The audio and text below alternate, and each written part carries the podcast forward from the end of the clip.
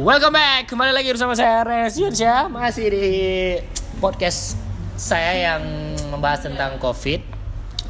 Kali ini aku akan mengutip kata-kata dari seorang teman aku yang tadi malam udah berbincang-bincang sedikit diskusi tentang COVID ini bagaimana. Hmm, Yang perlu kalian ketahui, ini dia seorang dokter ya, oke? Jadi langsung aja aku mau kasih tahu kalian tentang COVID ini menurut pandangan dia ya sebagai dokter. Jadi, rapid test itu lain terdepan, umpama kayak portalnya IGD Rumah Sakit Zainal Abidin. Yang positif masuk, yang negatif ya udah keluar. Masalahnya orang masuk RS patokannya bukan portal IGD, tapi di meja pemeriksaan awal IGD. Nah, bayangin meja ini sebagai swab test. Jadi memang seharusnya rapid test untuk memperkecil suspek yang selanjutnya diarahkan untuk swab test. Cuma masalahnya Indo ini kan miskin banget ya, udah miskin suka nggak dipakai lagi pikirannya, dikorupsi lagi dananya, kerjanya lambat, udah tahu Indonesia luas, jadi distribusi alatnya tuh lama, dan masalah ini nyangkutnya ke mana-mana, dipakai bahan politik lah, uh, untuk kepentingan si Anu lah, makanya nggak kelar-kelar. Wajar sih, namanya negara berkembang.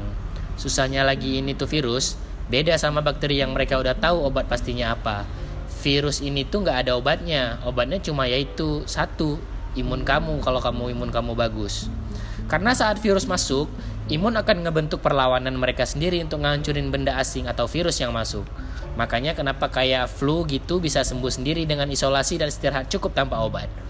Nah karena penyebaran virus ini nggak ada apa nah karena penyebaran virus ini nggak ada gejala khas jadi bisa aja tuh flu-like syndrome yang kayak flu biasa gitu. Tapi yang udah pasti gejala awalnya bisa flu demam sulit menelan bahkan sesak nafas tapi ini juga tergantung onset atau sejak kapan dimulai. Karena misal demam tiga hari aja itu udah ada sekitar 20-an penyakit yang bisa kita pikirkan. Tambahan nih adanya riwayat berpergian makanya disuruh jujur kalau diperiksa dokter. Terus kenapa bisa positif padahal nggak ada gejala? Terlalu banyak faktor sih kalau menurut aku bisa jadi orang tersebut punya daya tahan tubuh yang kuat. Jadi tanpa disadari tubuhnya sedang perang melawan virus itu bisa juga karena masa onset tadi, mungkin virusnya baru nyampe ke tenggorokan. Jadi pas di swab langsung nemu deh.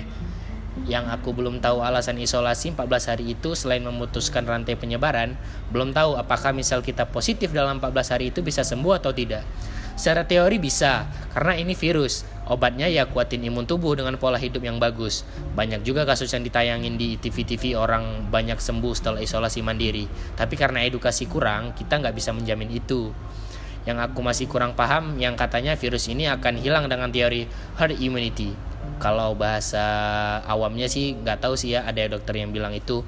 Teori ini kayak teori imunisasi. Jadi penyakit akan hilang di saat sebagian orang besar orang terinfeksi sehingga menimbulkan kekebalan secara keseluruhan. Kalau bingung coba lihat deh di Google. Uh, te kalau teori ini benar harusnya lockdown itu nggak perlu. Sama sekali nggak perlu Nah, orang-orang bandel itu sebenarnya cuma karena mereka nggak ngerti atau mungkin sebagian kecil ngerti tapi tidak terlalu paham tentang teori-teori yang bersifat mungkin terlalu sulit bagi mereka. Nah, itu dia. Jadi, uh, terus sebagian kecil itu nganggap penyakit ini kayak campak. Seumur hidup pasti potensi kena dan kalau udah kena ya nggak bakal kena lagi. Sebagian besar lainnya emang cuma kurang diedukasi aja sih. Gak usah lah ngomongin orang kita sendiri atau bahkan teman-teman kita sendiri juga seketat apa pun pemerintah ngeluarin aturan pasti kita bakal ada sedikit rasa ingin ngebantah deh. Hmm. Hmm.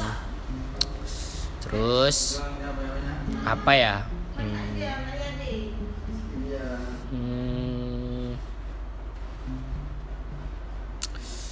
Lihat aja deh sekarang di mana-mana. Yang katanya negara adidaya aja kecapean ngadepin virus yang satu ini kan.